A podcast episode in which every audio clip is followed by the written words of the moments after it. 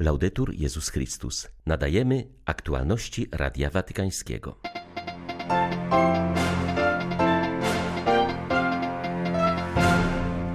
Biuro Prasowe Watykanu opublikowało program papieskiej pielgrzymki do Kanady, która odbędzie się w ostatnich dniach lipca.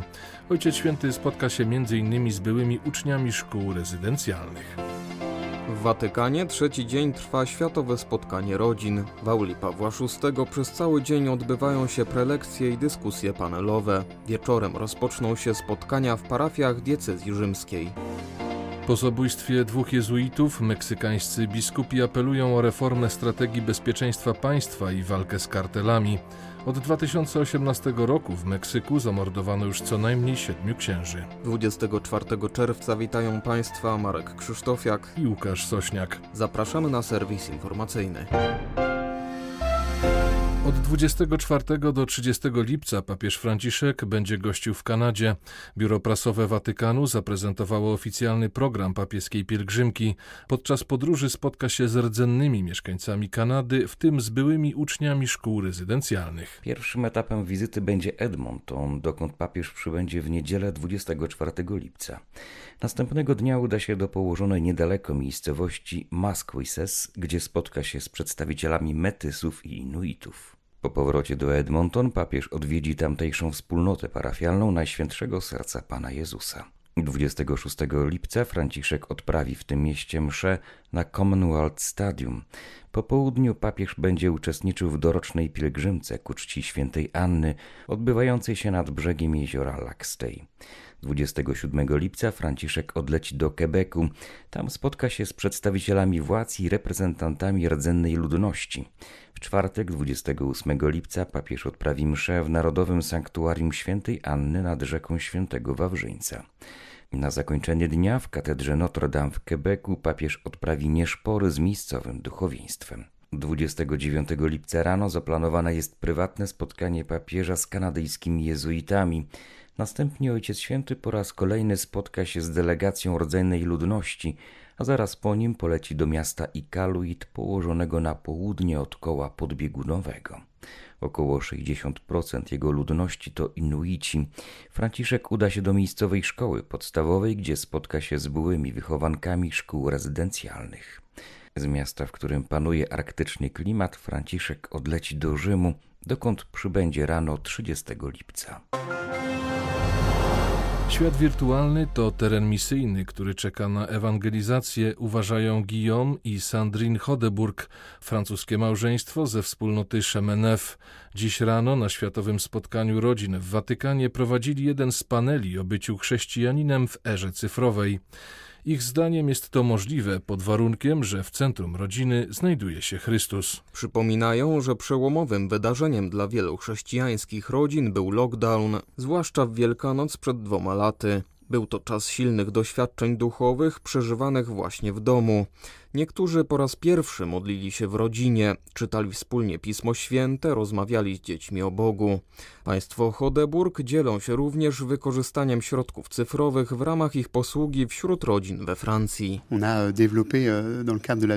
euh, w ramach misji Kana przygotowaliśmy kursy online. Paradoksalne w nich jest to, że są one dostępne za pośrednictwem internetu, ale mają na celu pomóc małżeństwom i rodzinom uwolnić się od ekranu, nawiązać wewnętrzny dialog.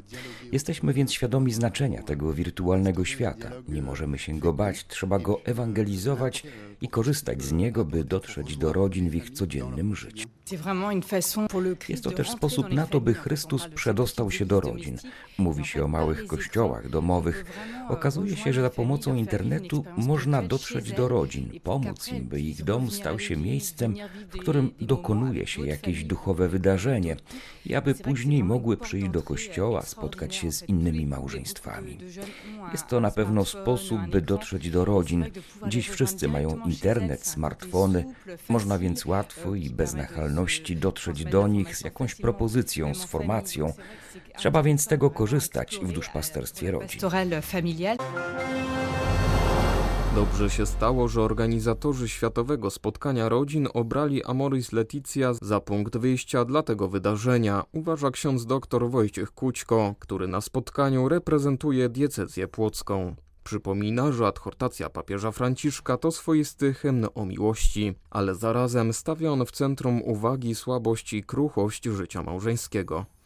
Jak zauważa ksiądz Kućko, przejawem takiej właśnie wrażliwości był fakt, że na samo rozpoczęcie Światowego Spotkania Rodzin wybrzmiały świadectwa pięciu rodzin i każda z nich przeżywała jakieś trudności. Dużo uwagi poświęcono czasownikowi towarzyszyć. On się wiele razy przewijał w różnych wypowiedziach. Towarzyszenie jako sposób na współczesne duszpasterstwo małżeństw i rodzin.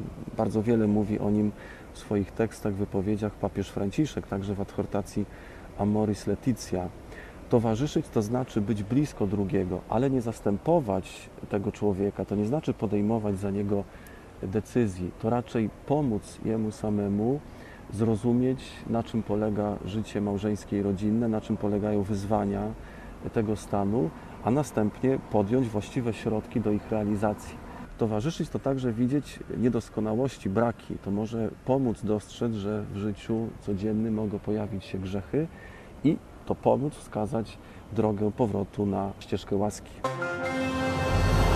Czas epokowych przemian oraz dominująca dziś kultura narcyzmu to niełatwy kontekst dla chrześcijańskich rodzin. Granice się zacierają, idziemy po omacku, trudno o właściwy wybór. Rodziny muszą się wspierać, mówią Emma Ciccarelli i Pier Marco Trulli, włoskie małżeństwo, które na światowym spotkaniu rodzin reprezentuje diecezję rzymską. Przypominają oni, że choć już Sobór Watykański II mówił o podmiotowej roli świeckich, to jednak w praktyce parafie zbyt często są wyłączną domeną proboszcza. Rodziny tymczasem wiedzą, że są one współodpowiedzialne za przekaz wiary i ewangelizację. Szukając pomocy, rodziny spontanicznie zacieśniają wzajemne relacje, tworzą nieformalne grupy, choćby po to, by pomóc sobie w chrześcijańskim wychowaniu dzieci. Doświadczeniem takiej nieformalnej grupy rodzin dzielą się na światowym spotkaniu właśnie Emma i Piermarco. Samotność jest wielkim ryzykiem w rodzinach, wielkim zagrożeniem, tym co potęguje problemy. Nie jest łatwo żyć w czterech ścianach z problemami rodziny, których jest wiele, ponieważ dzisiaj rodzina musi stawić czoła tysiącom zawiłości w świecie, który jest hiperpołączony, skomplikowany, z mnóstwem napływających wiadomości. Zadaniem naszych wspólnot jest bycie blisko siebie, bycie dla siebie nawzajem towarzyszami podróży. W tym sensie wszystkie sieci rodzin, które powstają, są z pewnością bardzo pozytywne. My w naszej parafii stworzyliśmy grupę rodzin, która wspierała rozwój naszych dzieci, ale powiedziałbym, że także relacji między nami.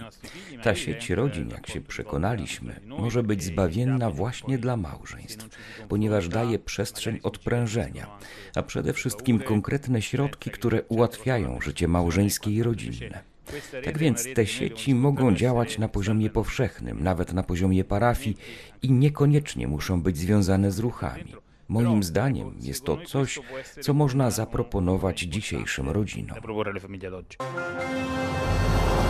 Na Ukrainie na wszystkich frontach toczą się intensywne walki. Rosjanie za wszelką cenę usiłują zdobyć Siewierdonieck i Lisiczańsk, których ofiarnie bronią ukraińscy żołnierze. Przejęcie tych miast doprowadziłoby do otoczenia Ukraińców, a w rezultacie do kontroli wschodniej i południowej części kraju przez wroga. Wzrasta intensywność ostrzałów okolic Sum, Charkowa i Mikołajewa.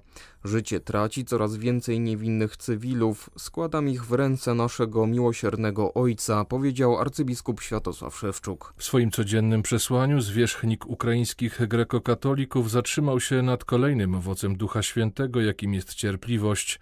Zaznaczył, że dziś rozpoczyna się piąty miesiąc wojny i tylko dzięki cierpliwości Ukraina może wytrwać w tak trudnych czasach i doczekać zwycięstwa. Wpatrując się w Boże oblicze, zaczynamy rozumieć, jak cierpliwy jest Pan w stosunku do nas. Bóg nie chce zagłady grzesznika, ale zawsze czeka, stwarza okoliczności, dzięki którym ma szansę się nawrócić. Ta cierpliwość powinna charakteryzować także nas, chrześcijan. Poprzez cierpliwość wyrażamy nasze miłosierdzie w stosunku do wad i grzechów naszych bliźnich. Oczywiście cierpliwość w stosunku do innych ludzi nie oznacza zgody na grzech. Podobnie jak nasz Pan, mamy stworzyć naszym bliźnim warunki do nawrócenia. Jednak jako owoc Ducha Świętego cierpliwość ma jeszcze inne znaczenie jest wytrwałością w dobru. Często chcemy osiągnąć wszystko od razu. Tymczasem cierpliwość daje nam czas na pracę nad sobą dzień po dniu. Dzięki takiej pracy osiągamy prawdziwy postęp. Cierpliwość pomaga nam znosić przeszkody i trudności. W tym trudnym czasie wojny wyjątkowo potrzebujemy cierpliwości, cierpliwego trwania przy dobru, z nadzieją czekając zwycięstwa nad złem, nad rosyjskim agresorem. Jezuicka służba uchodźcom na Ukrainie prowadzi w Lwowie dwa domy dla uciekających przed wojną. Tym, czego potrzebują przybywający do nas, jest przede wszystkim gościnność. Muszą odczuć, że są mile widziani powiedział Radiu Watykańskiemu jeden z pracowników ośrodka. JRS działa w Lwowie od 2008 roku. Od 2014 przyjmowani byli głównie przybysze ze wschodu Ukrainy. Przed miesiącem otwarto drugi dom w Brzuchowicach pod Lwowem. Dziś zatrzymują się w nich przesiedleńcy z wielu części kraju, m.in. z Charkowa, Lisiczańska, Siewierodoniecka. W każdym z dwóch domów przebywa około 25 osób. Są przyjmowani na kilka dni, niektórzy zatrzymują się tylko na jeden noc nocleg, dostają możliwość spokojnego odpoczynku i zaspokojenia podstawowych potrzeb.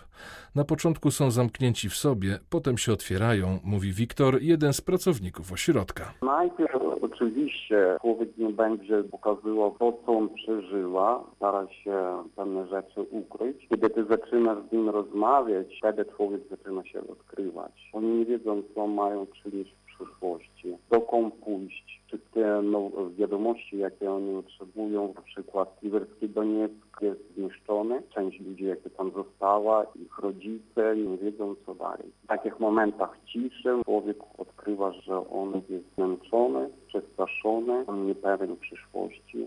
My zawsze staramy się zrozumieć ich ból, przeżywanie. Każdy może reagować w tej sytuacji po różnemu. Może przyjąć reguły na przykład naszego domu jak ciśnienie. Dlatego nasza ekipa stara się pomóc zrozumieć nas, zrozumieć jak widzimy działania tego domu. Staramy się porozmawiać, jeżeli przykład rodzina ma trudnych dzieci. Staramy się pomóc tej matce, żeby ona jakoś dała sobie radę z tymi dziećmi.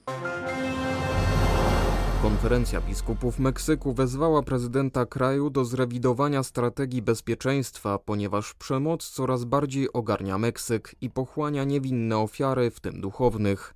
Czas wsłuchać się w głos obywateli, w głos tysięcy krewnych ofiar zamordowanych i zaginionych, powiedzieli biskupi. Przypomnijmy, że w poniedziałek zostali zamordowani dwaj meksykańscy jezuici. Ojcowie Javier Campos i Joaquin Mora zginęli zastrzeleni, próbując obronić mężczyznę, który wbiegł do kościoła w poszukiwaniu schronienia przed porywaczami. Policja podejrzewa, że za morderstwem stoi jeden z szefów lokalnej grupy przestępczej.